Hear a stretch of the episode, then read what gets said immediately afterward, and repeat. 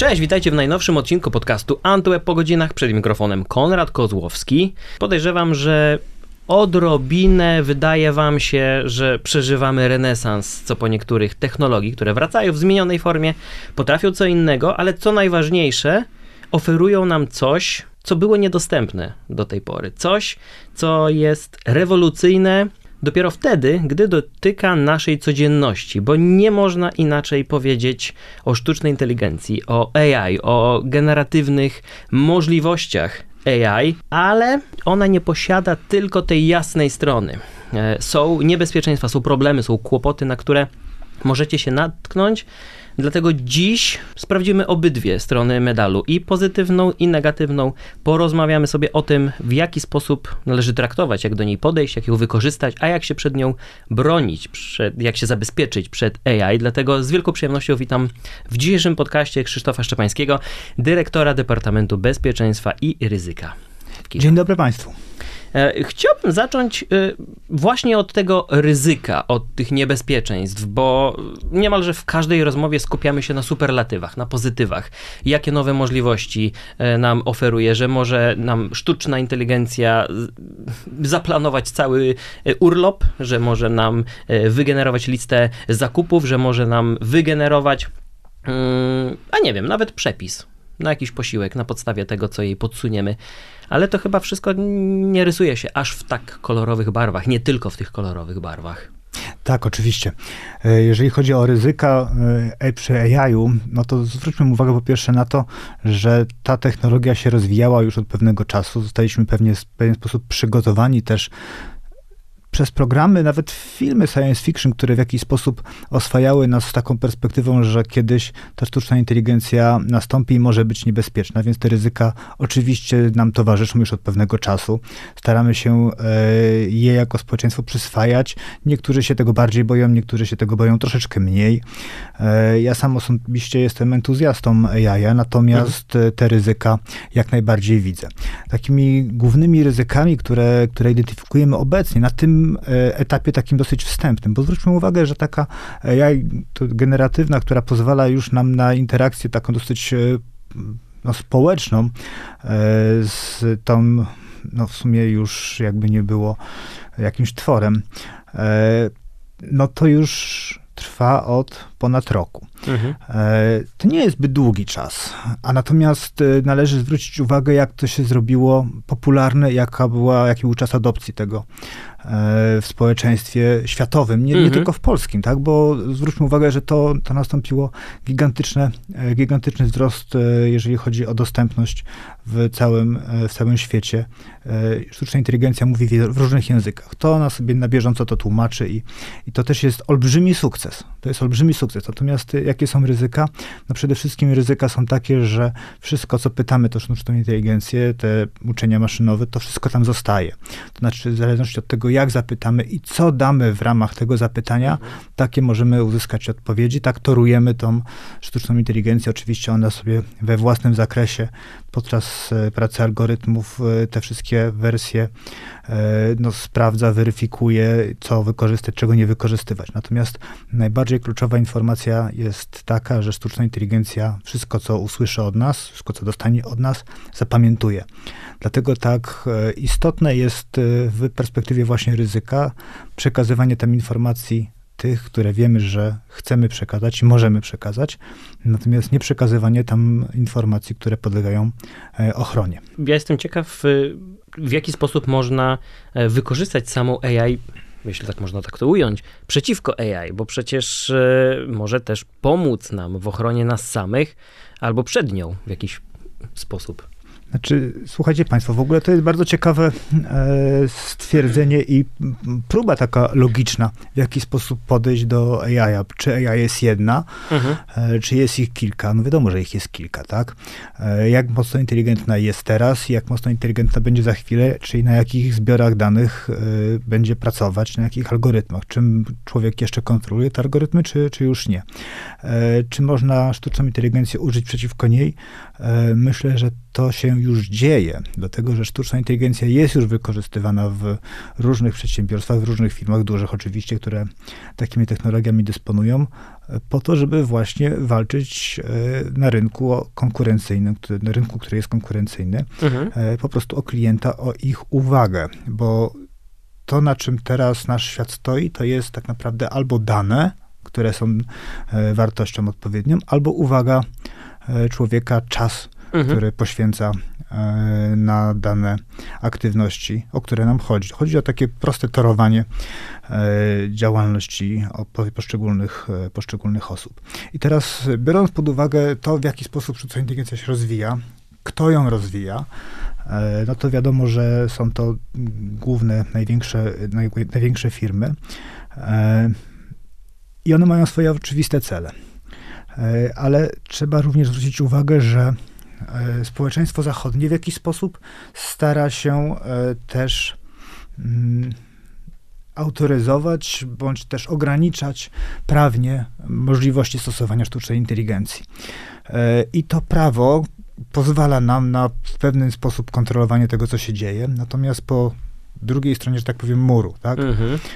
W cywilizacji wschodniej, w szczególności w Dalekim Wschodzie, takie regulacje nie istnieją, tam prywatność po prostu nie istnieje. E, informacje o tym, co jest dostępne technologicznie, też otrzymujemy z pewnym opóźnieniem, więc można estymować, że tam ta sztuczna inteligencja jest dużo, na dużo bardziej zaawansowanym poziomie i posiada dostęp, dostęp do dużo bardziej e, aktualnych danych, więc może być po prostu lepsza.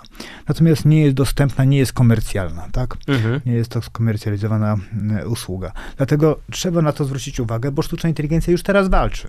Mhm. Ona już teraz walczy między sobą o dominację. E, oczywiście to nie jest w perspektywie takiej komercyjnej, którą my widzimy jako społeczeństwo, mając możliwości rozmawiania tam z czatem GPT, czy, czy z Bingiem, czy, mhm. e, czy z Bardem. E, to są takie proste dla nas e, emanacje sztucznej inteligencji, z którą mamy możliwość po prostu porozmawiać, zapytać się jej o coś, coś czymś nam pomoże, zrobi nam przepis na, mhm. na no nie tak. wiem na co, na, na omlet, taki, który będzie dla nas naj, najfajniejszy, czy zaplanuje e, też wakacje, tak jak lubimy, podając jej tam kilka rzeczy. Na to trzeba po prostu uważać. To, co chcemy jej przekazać, to tam już zostanie. E, ja jeszcze raz zwracam uwagę na to, że dane, nasze dane są dla nas cenne. I one tam już jak zostaną włożone, to tam zostaną. Mhm. E, ja chciałbym zapytać o, o te kwestie karmienia danymi, bo jak dobrze wiemy, te początki czata GPT były dla niektórych um, problematyczne, także dlatego, że e, model ten powstał na bazie danych do konkretnego momentu do, do, konkretnego roku, tam brakowało tych bieżących informacji. E, przy Bingu wygląda to troszeczkę inaczej. Jest bardziej e, dynamiczna sprawa, jeśli chodzi o dostęp do mm, wszystkich informacji online, a dobrze wiemy, że mm, sieć skrywa mnóstwo tajemnic tych optymistycznych i mniej optymistycznych. E, więc w jaki sposób te firmy też mogą sobie z tym, e, z tym radzić? Jak to może odbić się na użytkowniku, który e, będzie chciał zaczerpnąć zwykłej porady, podpowiedzi, a, a, w jakiś sposób może też nakierować takie modele na, na, na bardziej niebezpieczne tory. Czy, czy w ogóle jest to możliwe? Czy te zabezpieczenia, z którymi dzisiaj się spotykamy, e, są wystarczające? Znaczy, zabezpieczenia nigdy nie będą wystarczające.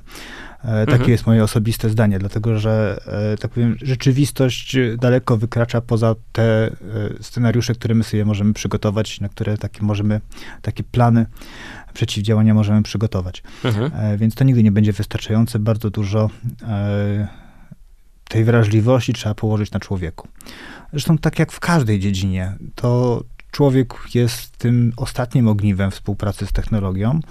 Czy to będzie sztuczna inteligencja, czy to będzie po prostu zwykły Word, tak? Mhm. E, czy poczta Outlook, na, z którego korzystamy wysyłając rzeczy. Jeżeli weźmiemy wysyłać rzeczy w sposób niefrasobliwy, no to też popełnimy błęd, też możemy doprowadzić do kłopotów. Tak samo i tutaj. Po prostu to jest narzędzie, które jest dużo silniejsze, tak? W związku z tym ta e, awareness taki musi być na wyższym poziomie. E, I zaufanie. Zaufanie w stosunku do tego, co my otrzymuje, otrzymujemy z, z, tej, z tej sztucznej inteligencji jako odpowiedź. E, nie powinniśmy też na to zwracam uwagę też w ostatnich takich e, ćwiczeniach, które robiliśmy ze sztuczną inteligencją, że ona dosyć łatwo potrafi pójść w buraki, mhm. kolokwialnie mówiąc, czyli e, zmyślić coś, jeżeli nie wie, to pójdzie w domysły, bądź też w będzie korzystała z źródeł, które nie są wiarygodne. O tak. Mhm. No bo co mamy w środku? To mamy też na zewnątrz. Jeżeli zadamy jej pytania, które będą e, kierunkowo e, niedokumentowane w odpowiedni sposób, ona będzie korzystała z źródeł e, ogólnie dostępnych. Jak pytam ją o UFO, no to będzie korzystała z, teorii spiskowych, tak. prawda? No i teraz wiadomo, że informacje uzyskane z tamtych źródeł nie do końca będą mhm. prawdziwe, zweryfikowane i budowanie na tym swoich dalszych opinii też może być obarczone tymi błędami. Dlatego trzeba na to mocno zwracać uwagę uwagę. E, teraz faktycznie jest tak, tak jak pan powiedział, e, AI ma dostęp do coraz szerszego zakresu danych, e, coraz powszechniejszego, jeżeli chodzi o jego dostępność ze źródeł czy publicznych, czy też już takich mocno technicznych, czy reglamentowanych. Mhm. Powoli ten, ta reglamentowana część internetu zaczyna być indeksowana i to też się już pojawia. Ostatnio próbowałem właśnie zrobić takie ćwiczenie z, ze sztuczną inteligencją, chyba z, z Bingiem, jeżeli chodzi o sektorowe regulacje w finansowych kwestiach, jeżeli chodzi o Unię Europejską, mhm. no bez większego problemu. Faktycznie, może niezbyt dużą dokładnością, ale Bing był w stanie dostarczyć mi tej E, tej wiedzy z tak zwanego streszczenia e, z aktów. Także robi się to coraz bardziej aktualne, mhm. natomiast nadal powinniśmy jednak weryfikować to, co otrzymujemy. E, tak jak powiedziałem na początku, jestem entuzjastą, to jest mhm. fantastyczna technologia, niesamowicie potrafi usprawnić pracę, potrafi pomóc, ale póki ją traktujemy jako pomocną, mhm. i weryfikujemy, to wszystko jest dobrze. Dlatego to ryzyko, o którym mówiliśmy na samym początku, trzeba ważyć. Trzeba patrzeć po prostu, czy to, co my otrzymujemy od niej, jest prawdopodobne i jeżeli mamy wątpliwości, to weryfikować tego, nie wierzyć temu po prostu na, na słowo. A czy ona nie jest już zbyt wygodna, bo e, podobne podejście stosowaliśmy do samego internetu e, dla osób, które wcześniej tak naprawdę dysponowały klasyczną encyklopedią, słownikiem. E, wpisywanie haseł w wyszukiwarkę internetową spowodowało, że w MIG otrzymywaliśmy konkretne odpowiedzi, wytłumaczenia, definicje, nie wiedząc, czy są prawdziwe. Czy tutaj ta szala goryczy może się w jakiś sposób przelać, że dla niektórych osób albo wręcz całego pokolenia będzie to takie narzędzie nieweryfikowalne, bo nie będzie takiej potrzeby? E, to jest temat filozoficzny. Troszeczkę. E, Dlatego o, o opinię, komentarz, zanim bardzo, przejdziemy dalej. Bardzo ciekawy temat filozoficzny. E, Internet wreszcie zyskał niemalże ludzką twarz, więc czego potrzeba więcej? Czy, czy ludzką twarz? To może nie, nie, ale osobowość, tak? Zaczynamy rozmawiać, znaczy przede wszystkim najbardziej kluczowe jest to, że zaczynamy rozmawiać w języku naturalnym ze sztuczną mhm. inteligencją, bo do tej pory, właściwie do kilku lat wcześniej, no to trzeba było umieć pytać w odpowiedni sposób, żeby dostać to, co się od tego oczekuje. Mhm. Natomiast teraz rozmawia się z tym sztuczną inteligencją i to nie jest tak, że jedno pytanie jest zamykające. Można je rozwijać dalej w kolejnych, w kolejnych iteracjach i to jest też bardzo ciekawe. To jest język naturalny. To jest y, ta siła, z którą, która, z którą y, sztuczna inteligencja przychodzi E, co umożliwia też innym osobom, tak powiem, nie, mniej technicznym, mhm. E, lepsze współdziałanie. Bo pyta się i normalnie tak jakby się rozmawiało z, z człowiekiem. E, I to jest ta siła. Natomiast ja się troszeczkę też obawiam tego, żeby ludzie nie zatracili takiego, takiej chęci wiedzy. Mhm. Nie tylko posiadania rozwiązania, bo sztuczna inteligencja skraca pewien proces e, myślowy, który występuje w człowieku, w mózgu, który nas rozwija tak naprawdę. E, I chodzi o to, żeby nie uzyskiwać gotowych rozwiązań, ale mhm. nad nimi troszeczkę pomyśleć. Sztuczna inteligencja to skraca. E, I to powoduje, że tak mówię, nasza elastyczność umysłowa maleje. I to mnie akurat osobiście bardziej niepokoi niż dostępność tych informacji mhm. w przyszłości, żebyśmy nie zamknęli się właśnie na na tą łatwość, znaczy poprzez otrzymywanie tych e, wyników w sposób taki łatwy, rozwiązań tak naprawdę problemów, bo zadajemy problem i ten problem zostaje rozwiązany, tak? Zaplanuj mi wakacje, no dostajemy e, skrypt tak naprawdę, gdzie pojechać, ile to będzie kosztowało, będziesz zadowolony. No super, będę zadowolony, to ja tylko zapłacę, nie interesuje mnie nic, czyli nie wykonuję żadnej pracy umysłowej do tego, mhm. żeby sobie to zaplanować, tylko dostaję rozwiązanie. E, to też może powodować, to jest taki jeden z moich e, przykładów, które lubię używać, e, że w momencie, kiedy damy sztucznej inteligencji zbyt dużo swobody, mhm. to będziemy na takim stanowisku, że propozycja w restauracji obiadów, tak? Każdy z nas ma jakieś swoje własne preferencje. Restauracja musi utrzymywać szerokie menu po to, żeby e, dostawać e, odpowiednio każdego zadowolić. I teraz, e, jeżeli pójdziemy razem do, do restauracji i sztuczna inteligencja będzie serwowała takie menu, znając nas, tak? Każdego mhm. z nas osobna, tak? Nasze, nasze preferencje. I menu będzie elektroniczne, to tak naprawdę wyobrażam sobie sytuację, w której dostaniemy do wyboru pięć potraw, tak? Ale jedna będzie taka, którą lubimy. Znaczy, albo lubimy najbardziej, albo mhm. nie lubimy najmniej. Tak? I wybierzemy dokładnie tą, która zostanie zaserwowana, dlatego że cztery pozostałe będą z kategorii nie lubi absolutnie. Mhm. Mimo tego, że absolutnie różne gusta, pan dostanie inną kartę i dostanę inną kartę, wybierzemy tą samą potrawę. Tak, restauracja będzie miała de facto zysk, bo zawsze będzie wiedziała, że klienci przechodzą de facto po jedno danie. Mhm. E, więc to jest dosyć ciekawe, proste, e, prosty scenariusz na to, żeby minimalizować koszty, jednocześnie sterując ludzkim wyborem. I to jest bardzo kluczowa kwestia, sterować ludzkim wyborem. A, a jak bardzo pana niepokoi yy, boom, popularność aplikacji, które jeszcze na długo przed GPT się pojawiły, które manipulowały tymi zdjęciami, fotografiami, które użytkownicy udostępniali postarzanie, zmiana płci, uzyskiwanie ko konkretnego make-upu. E, dobrze wiemy, jak dużo znajomych e, to zrobiło. Niektórzy nadal mają na zdjęciach profilowych te, te grafiki. Nie wiemy, kto stoi za tą aplikacją, gdzie te dane są dalej e, przetwarzane, co może się z nimi wydarzyć, a chyba w tym momencie jedyne, co, co może spotkać taką gałąź tego rynku, to tylko rosnąć, patrząc na to, na to jak to się rozwija. To rośnie.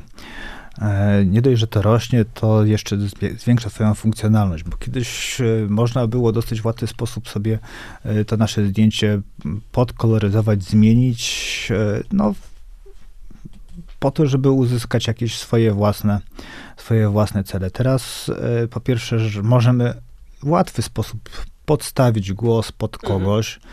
tak jak my teraz rozmawiamy, te nasze głosy są nagrane, to sztuczna inteligencja, narzędzia, które są teraz dostępne, umożliwiają tak naprawdę y, nagranie naszego głosu z tekstu pisanego na bazie tej próbki, którą właśnie teraz E, zostawiamy. Także można włożyć w usta osoby dowolny tekst napisany. Takie ćwiczenia my robiliśmy już, to bardzo fajna ta zabawa jest. Natomiast e, ta zabawa pokazuje, że manipulacja może być już bardzo, bardzo daleko posunięta. Podobnie jak i z obrazem. Przecież już też wiemy, że w Hollywood nastąpiły teraz regulacje, także można zastępować aktora jego, e, tak powiem, profil, jego mhm. osobowość, znaczy jego wizerunek generowany przez sztuczną inteligencję, ale tylko za jego zgodą. No ale umówmy się, że jeżeli można to robić z aktorami, tak, to zaraz można to robić również ze zwykłymi osobami. Zresztą e, teraz jeszcze przed e, kilkoma miesiącami były takie e, spoty wyłudzające informacje. Wiadomo, że to był phishing typowy, ale z wykorzystaniem właśnie wizerunku akurat polskich polityków którzy zachęcali do inwestowania oczywiście w, w złe rzeczy. Mhm. Oczywiście to były też po prostu typowe wyłudzenia, e, ale prowadzone ex katedra przez polityków, którzy po prostu byli tam wstawieni. To nie mhm. była prawdziwa nagrana scenka i tekst był włożony w ust, tylko faktyczna była, cały, cały materiał był wygenerowany. Na pewno to kosztowało troszeczkę więcej e, czasu niż takie zwykłe podstawienie e, głosu pod, e, pod obraz, ale już się zdarzyło, tak? Więc tego będzie po prostu więcej. Także to, co było kiedyś, jeżeli chodzi o postawienie, że ja postawiłem sobie zdjęcie, to mały pikuś jest i teraz te ryzyka są zdecydowanie dużo większe właśnie z obrazem i z dźwiękiem mhm. E, postawionym pod konkretną osobę. To, to będzie się rozwijało e, i coraz większe problemy nam stwarzało od strony bezpieczeństwa, w jaki sposób weryfikować e, takie coś. I tutaj od razu bardzo chętnie bym podzielił się takim spostrzeżeniem, które też e, próbuję rozpowszechnić wewnątrz firmy. To znaczy, żeby w kluczowych kwestiach, jeżeli się pojawiają jakieś dziwne telefony, które zawierają na przykład zlecenie wykonania czegoś, co standardowo budzi pewną wątpliwość, to po pierwsze, żeby nie reagować, nie realizować tego od razu, tylko oddzwonić, a jeżeli jest to kontakt, z którym standardowo pracujemy, to żeby sobie wymyślić e, hasło, które e, potwierdza, że rozmawiamy z tą osobą faktycznie E, to może być albo zdanie, albo, albo jakieś słowo, które należy po prostu zinterpretować i odpowiedzieć w odpowiedni sposób. No coś w rodzaju jak konsie klosie, tak? No, tak. Z tymi kasztanami. Jak najbardziej klasyczne metody, najbardziej ale to jest, to, jest, to jest ważne, bo y, obserwujemy ostatnio dosyć dużo y, tego typu y, phishingów właśnie opartych o manipulację już, już głosem, tak? Czyli mhm. dzwoni ktoś i, i mówi, żeby, ty, czy mój szef, czy, czy kolega z innej firmy mówi, żeby mu pomóc gwałtownie, bo on potrzebuje coś. No, znam jego głos, znam jego telefon, podstawić to można, jednak dobrze zweryfikować. A czy z biegiem czasu taka odporność społeczna generalnie może wzrosnąć? Bo widzimy, jak e, kolejne e, pokolenia, generacje też dostosowują się do tego, co jest w internecie. Oczywiście mm, tych pomysłów na to, w jaki sposób nas oszukać i w jaki sposób nas podejść jest coraz, coraz więcej, ale z drugiej strony chyba ta świadomość na temat e, tego, w jaki sposób uniknąć, nie dać się nabrać, w jaki sposób rozpoznawać tego typu materiały, e, też się gdzieś pojawia. To jest zupełnie coś nowego. W materiały wideo e, przy, przywykliśmy wierzyć, że są prawdziwe. E, dziś ta bańka pęka, ale chyba ta krzywa uczenia się, że należy to zweryfikować, należy to sprawdzić, nie wiem, ja mam wrażenie, że nie będzie tak e, łatwa, tak szybka jak e, w przypadku innych materiałów, e, bo też widzimy, jak przy całej maści innych fake newsów coraz częściej kłamstwo zatacza coraz szersze kręgi, a tutaj prawie nie ma ograniczeń już. Wystarczy próbka, a materiałów multimedialnych tylko przybywa. Cały internet od tego puchnie, także od mojego, od pana głosu już Oczywiście. teraz. Oczywiście, że tak. I to jest y, to, co my w ramach Departamentu Bezpieczeństwa i Ryzyka próbujemy zrobić i próbujemy e, no, ludzi w jakiś sposób ewangelizować, e, żeby te zachowania próbować zaprogramować, bo my też działamy w, taki, w takim układzie, że mówimy, natomiast y, kiedy to nastąpi taka adopcja tych wszystkich zachowań pozytywnych, e, trudno mi powiedzieć. No, myślę, że oby było tak, że będzie to równomiernie przybywało, jeżeli chodzi o poziom, tak powiem, awarenessu właśnie z poziomem mhm. zagrożeń.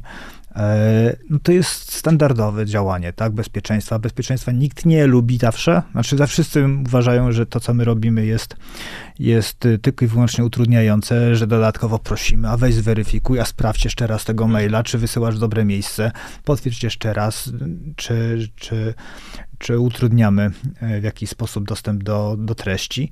E, utrudniamy ale, w cudzysłowie, nie? a to jest tak naprawdę dodatkowa warstwa ochrony, bezpieczeństwa. Tak, tak, ale to jest y, często użytkownicy nie widzą tego z perspektywy zabezpieczenia, tylko właśnie z utrudniania, że na jakiejś stronie my wiemy, bo zostało to sprawdzone, są e, linki do fałszywego do oprogramowania, które jest niebezpiecznym, że to można sobie zainstalować, zainfekować komputer, że można ulec właśnie manipulacji, ale są tam treści, które są ciekawe. No i użytkownik będzie próbował tam dotrzeć, wbrew temu, że my mówimy, nie wchodź, mu, nie wchodź tam, tam jest naprawdę groźnie. No, mhm. To jest ciekawość ludzka. Przecież te wszystkie e, phishingi, wszystkie działania przestępcze działają na dwóch e, tak naprawdę kluczowych, e, kluczowych uczuciach. To jest albo ciekawość, albo strach tak? Mhm. Ciekawość, no to wtedy, kiedy e, jest coś, co jest niestandardowe, ojej, komuś coś się stało, można to zobaczyć. E, albo strach, że coś mi się stanie, rane boskie, moje pieniądze właśnie uciekają, tak? Mhm. Więc jest telefon, szybko zrób coś, bo twoje pieniądze właśnie podlegają e, przelewom i musisz szybko zatworzyć nowe konto, zrobić e, przelew na ten rachunek, tutaj jest specjalny rachunek dla ciebie stworzony, zrób, będą pieniądze bezpiecznie. No tak, hura, biorę, wyrobię przelew i już nic nie mam, tak? No, gratuluję, tak? No to jest właśnie to, nad czym, nad czym przestępcy próbują e, grać. Strach i ciekawość. Musimy sobie z tym po prostu zdawać sobie z tego sprawę. Jak będziemy z tego sobie zdawać sprawę, będzie nam łatwiej. Mhm. Jak można przeciwdziałać? E, Konkretnie, jakie działania można podejmować? To e, oczywiście takie edukowanie najbliższych nam osób, podpowiadanie, albo czasem trochę zmuszanie do uruchomienia na przykład dwustopniowej weryfikacji w celu e, zabezpieczenia konta, to, to jedno, ale jakie jeszcze metody można powziąć, szczególnie biorąc pod uwagę to, jak, jak, jak to szybko się wszystko e, rozwija, w jaki sposób e, sztuczna inteligencja tworzy zupełnie nowe narzędzia e, do tego, by nas oszukać, podejść. Znaczy, na to pytanie nie ma dobrej odpowiedzi. To jest, co można zrobić? No trzeba wszystko robić, tak? Mhm. Co, a co to jest wszystko? No trzeba e, tak sobie zaplanować swoje własne działania, żeby nie wystawiać na zewnątrz informacji, które w przyszłości będą mogły być dla nas trudne bądź szkodliwe. Zresztą to, to widać. I Był taki boom, że wszyscy wszystko publikowali, prawda? I ten boom się właściwie jeszcze nie skończył, natomiast ludzie zaczynają już dostrzegać w tym momencie, że to może nie do końca jest dobry pomysł, żeby właściwie wszystko publikować. I, i to, to zaczyna już być. Ludzie, ludzie to już, e, tak powiem, przeprowadzili adopcję tego, e, tego e, narzędzia, jeżeli chodzi o publikowanie. E, zauwa- Zauważyli, że jest e, to sporo e, również niebezpiecznych rzeczy e, jako konsekwencję. E, To jest raz. Dwa, no, musimy chronić swoją tożsamość, przede wszystkim tożsamość, dlatego że to, kim jesteśmy w internecie również, w szczególności w internecie, jest e, kluczowe dla naszej wiarygodności. Niesamowicie łatwo stracić tożsamość w internecie. Na, e, tak powiem, w realu to jest trudniejsze, bo zawsze możemy się dotknąć, wiem, sprawdzić, czy, czy nie, ma, nie ma maski, czy, czy jest to prawdziwy człowiek, e, Mhm. nawet podobny. E, jest dużo łatwiej namacalne do zrobienia. W internecie jest to niemożliwe po prostu. Jak ktoś ukradnie naszą tożsamość, no to de facto jest nami. Tak? Jeżeli my możemy prowadzić działalność w internecie, w cyfrowym świecie, e, no to jeżeli ktoś przyjmie naszą tożsamość, to może zrobić wszystko, mając no, my jesteśmy w, kirem, w kirze dostawcą tożsamości elektronicznej wprost, tak? Bo po pierwsze mamy podpis elektroniczny, po drugie jest moje ID, które jest właśnie tożsamością elektroniczną w świecie cyfrowym. E, I teraz, e, jeżeli ktoś przejmie naszą tożsamość, to wzięcie kredytu to jest standardowe działanie, o którym już wszyscy wiemy, że, że do tego e, przestępcy to wykorzystują. Ale może nam sprzedać samochód, może sprzedać nam mieszkanie.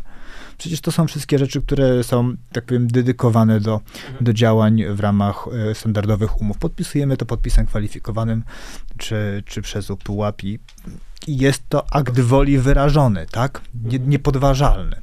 W związku z tym e, ta tożsamość elektroniczna jest niezmiernie istotna i świadomość tego, że e, ona e, może być skradziona i może być wykorzystana w nie tym celu jest bardzo istotna. Dlatego też budowa takiej świadomości po stronie naszych bliskich, właśnie jak korzystać z, z internetu, po co jest tożsamość elektroniczna, a po co jest anonimowość, tak? No bo niektóre rzeczy też dużo wygodniej jest robić anonimowo.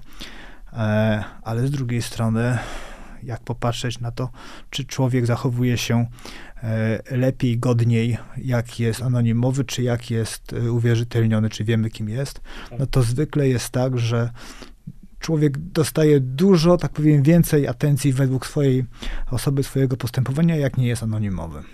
Wtedy jest lepiej.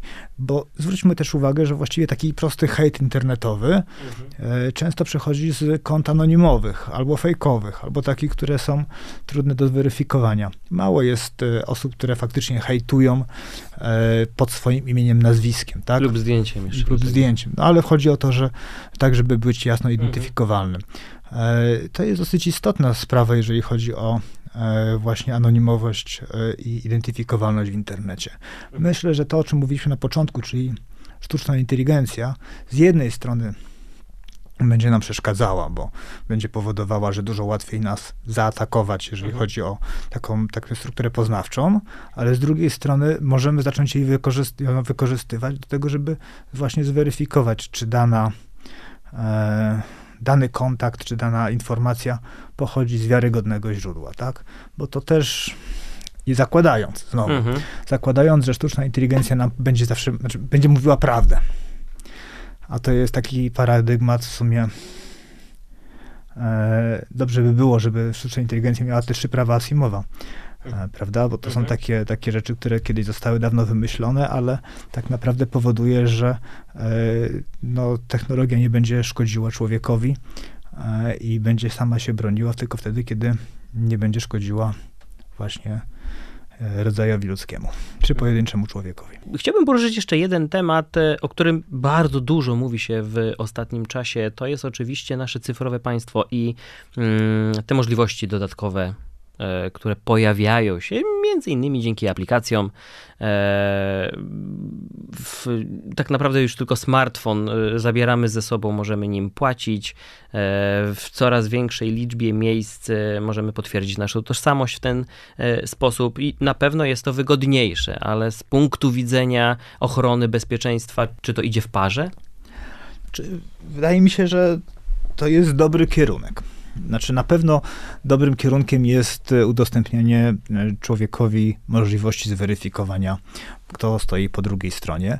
E, I jest dużo większe zaufanie z mojej perspektywy, takiej typowo bezpiecznikowej dla aplikacji Mhm. M-Obywatel, czy całego schematu bezpieczeństwa w M-Obywatelu, niż dla kartonika dowodu osobistego. Mhm. Dlaczego? Dlatego, że no, teraz jest to teoretycznie już zabronione, e, prawda, i nie wolno mieć dowodów kolekcjonerskich. i Jest to karane. Natomiast cały czas można je e, zdobyć, e, kupić e, tak naprawdę w dowolnym, e, w dowolnym sklepie, tak powiem, poza Polską wyprodukowane. To nie jest jakiś rocket science, naprawdę można, tak? E, To ma na celu, miało na celu oczywiście e, z perspektywy takiej śmiesznej e, budowanie sobie jakiegoś e, no właśnie złej tożsamości, której, którą Mhm. moglibyśmy wykorzystywać w innych celach dla dzieci na przykład, ale, ale wiadomo, że, że te dowody osobiste, papierko, znaczy właśnie plastikowe, e, są ciężkie do zweryfikowania, takiego jak się na przykład podaje komuś albo pokazuje komuś podczas wypadku na przykład, tak? Dwie osoby się zderzyły i jest wypadek i tożsamość trzeba zweryfikować, podajemy mm, dowód osobisty w plastiku i teoretycznie druga strona, no, mogłaby weryfikować, ale to nie jest takie wcale proste zweryfikowanie dowodu osobistego, jeżeli chodzi o taką y, namacalność w stresie, tak? No bo jak wiemy, że to może być przestępca, no to zaczynamy to weryfikować. Spojrzymy pod światło, zakładając, że jest światło, zaczynamy tam te wszystkie, e, tak powiem, rowki i, i tak dalej, przytłoczenia e, zweryfikować. Można oczywiście, ale umówmy się, mało osób to, to robi. Natomiast y, to, co oferuje nam właśnie M-Obywatel, czyli ta cała platforma związana z bezpieczeństwem dla obywateli e, w Polsce, pozwala nam na interakcję z drugą osobą właśnie poprzez centrum zaufania, czyli osoba pokazuje i my możemy zweryfikować, czy ten, e, czy ten po prostu wydany, wydany certyfikat i e, zdjęcie przypisane do tego jest w rejestrach państwowych prawdziwe Mhm. to już wtedy trzeba mieć naprawdę zdecydowanie. E, nawet nie wiem, czy wyobrażam sobie scenariusz, który można byłoby to podłożyć tak na gorąco, ale to byłoby dużo bardziej skomplikowane wprowadzenie do rejestru państwowego e, fałszywego dowodu Mhm. niż, niż zrobienie takiego dowodu kartonikowego. Czyli raczej same plusy. E, plusy są absolutne, Aha. tak? I jeżeli chodzi o łatwość tego użycia, e, powszechność, funkcjonalność, to to nie podlega dyskusji. Jedyna rzecz, która e, mnie martwi z perspektywy, ale to zupełnie jest inna perspektywa niż obywatelska. Z perspektywy takiej zawodowej jako bezpiecznika, to e, coraz większe skupienie e, danych w jednym miejscu. Tak? To, to jest coś, z czym też e, mamy do czynienia bezpośrednio u nas w firmie, w Kirze, e, dlatego że mamy olbrzymie rejestry danych e, dotyczące poszczególnych obywateli i to należy w odpowiedni sposób chronić, dlatego że wyciek takich danych jest no, krytyczny. Mhm. I podobnie tutaj. Tak, tam już w tym momencie jest pełna aktywność nasza jako obywatela zapisana, kto, kiedy, gdzie, jak się weryfikował, co wtedy jak robił, mhm. tak, do czego tego używał. Do tej pory nie było takich informacji, tak? Bo wtedy, kiedy pokazywaliśmy dowód, no to, mhm. to była nie, nie było żadnego rejestru pewnie. Nierejestrowana. No teraz, teraz już to widać, wiemy gdzie, wiemy kto, wiemy co, wiemy komu. Także te wszystkie związki pomiędzy, pomiędzy nami zaczynają też być już zapisywane i to jest dana, którą trzeba naprawdę ekstremalnie mocno chronić. Wierzymy, i zaufanie mamy do, do struktur państwowych pod tym względem, że zostało to tak zrobione, że wejście od strony, e, tak powiem, technologii mhm. jest niemożliwe. Jedyny dostęp do, do tych danych jest e, prawidłowy i nie można ich wyprowadzić po prostu. I to jest kluczowe, tak? No zaufanie. No i to zaufanie musi być zbudowane, musi się na nie zapracować. No, nikt nie dał tego zaufania e, tak wprost za darmo. E, mnie cieszy, że tam przy tej aplikacji, przy tych e, funkcjonalnościach pracowali też eksperci, którzy się na tym znają. E, to się cały czas rozwija. Widzę, że w dobrym kierunku, natomiast no, kluczowe jednak jest zabezpieczenie tego rejestru jako danych ekstremalnie wrażliwych. A czy pewnym rozwiązaniem byłoby, nie wiem, rozbicie tego na kilka aplikacji dedykowanych konkretnym aktywnościom, dokumentom? Tak. Myślę, że to nie miałoby sensu.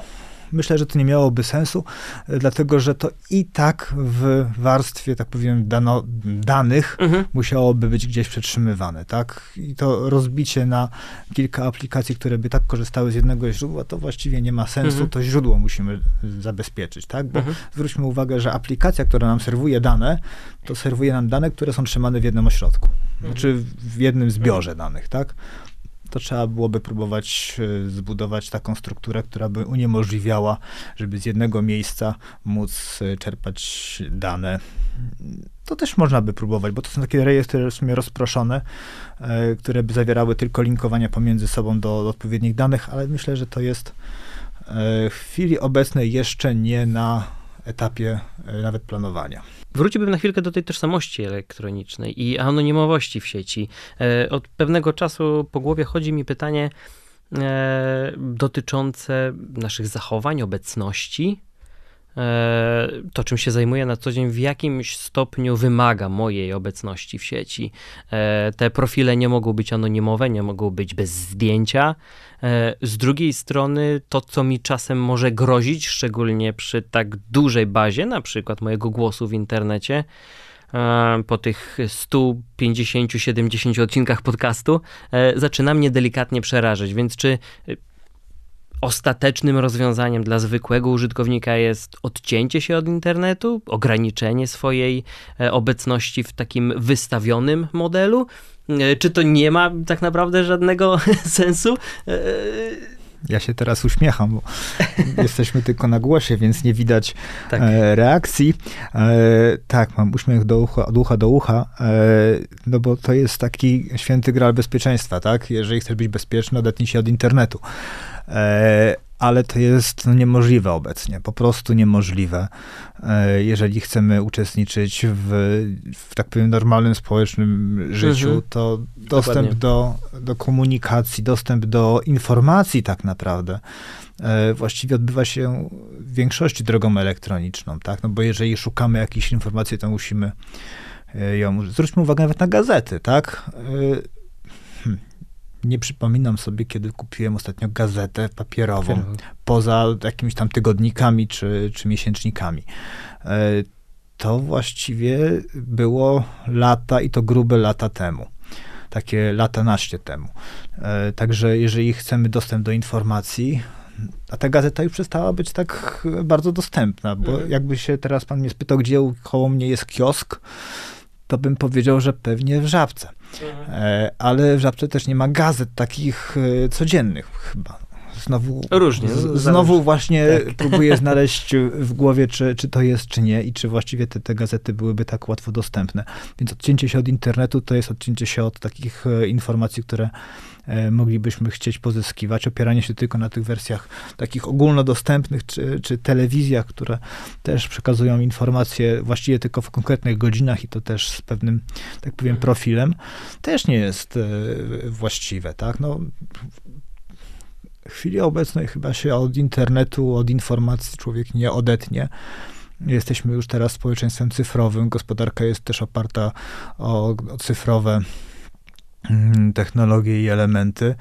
E, właściwie nie da się prowadzić nawet działalności gospodarczej bez e, cyfrowego świata, tak? No bo sprawozdawczość musi być cyfrowa, tak? I żeby zrobić, wystawić fakturę też trzeba mieć dostęp do, do sieci. No, chyba to już nie da się. To już te czasy, tak powiem, możliwości odcięcia się od, od sieci nie wrócą. E, nie powinny powstać, nie powstają takie narzędzia, które na przykład powinny śledzić, analizować, e, agregować treści i weryfikować je pod kątem mojej obecności nieautoryzowanej e, w sieci. Nie, nie, nie słyszę tak naprawdę dużo o tym, raczej wręcz przeciwnie. E, to jest temat taki nierozwinięty, a, a, a, mowa jest tylko o tym, co można stworzyć, a nie ma jak zabezpieczyć. Chyba tylko jeden producent aparatów tak naprawdę do tej pory zabezpieczył się podpisem pliku, że tak, to jest prawdziwe zdjęcie, szczególnie po tym, jak jeden z kluczowych konkursów fotograficznych wygrała grafika wygenerowana komputerowo. A to tak naprawdę dopiero się e, ta ścieżka zaczyna, więc... To jest e, smutne, co teraz pan mówi, bo faktycznie e, komputery mogą wygenerować nie tylko grafikę, nie tylko e, tekst, ale również e, muzykę. E, myślę, że do tego dojdziemy, tak, że będziemy zasypani takimi treściami, które są treściami, no, informacjami właśnie z kategorii czy, czy nawet sztuki. Zresztą takie ćwiczenia znowu wykonywaliśmy z kolegami, próbując wygenerować obrazy mhm. na styl, tak? Czyli zrób mi z danego, na przykład zdjęcia, obraz w stylu mhm. e, moneta, prawda? I to było dosyć ładnie zrobione. Powstaje nowy zupełnie obraz, tak? Mhm. I teraz jego no, właścicielem praw autorskich jest kto, gdzie, jak można to publikować, nie można wykorzystywać, nie wiem, można, nie można. Autor prompta, firma czy, czy no, malarz, mimo wszystko. No właśnie, no bo to jest jego styl, tak, zostało to zrobione na jego styl, no ale przecież on tego nie zrobił fizycznie, więc mhm. to też nie jest jego pomysł. No, zaczynamy wchodzić w takie rzeczy, które są e, znowu bardzo ciekawe, e, w jaki sposób wykorzystać dane, które uzyskujemy ze sztucznej inteligencji. Chodzi o te właśnie generatywne dane, mhm. Które powstają. E, jak będziemy z nich mogli korzystać i kto jest ich właścicielem, bo tak naprawdę powinno to, znaczy właściwie nie, nie, nie absolutnie nie mówię, nie, nie dam się wmanewrować w to, żeby powiedzieć, jak to powinno być, bo nie wiem.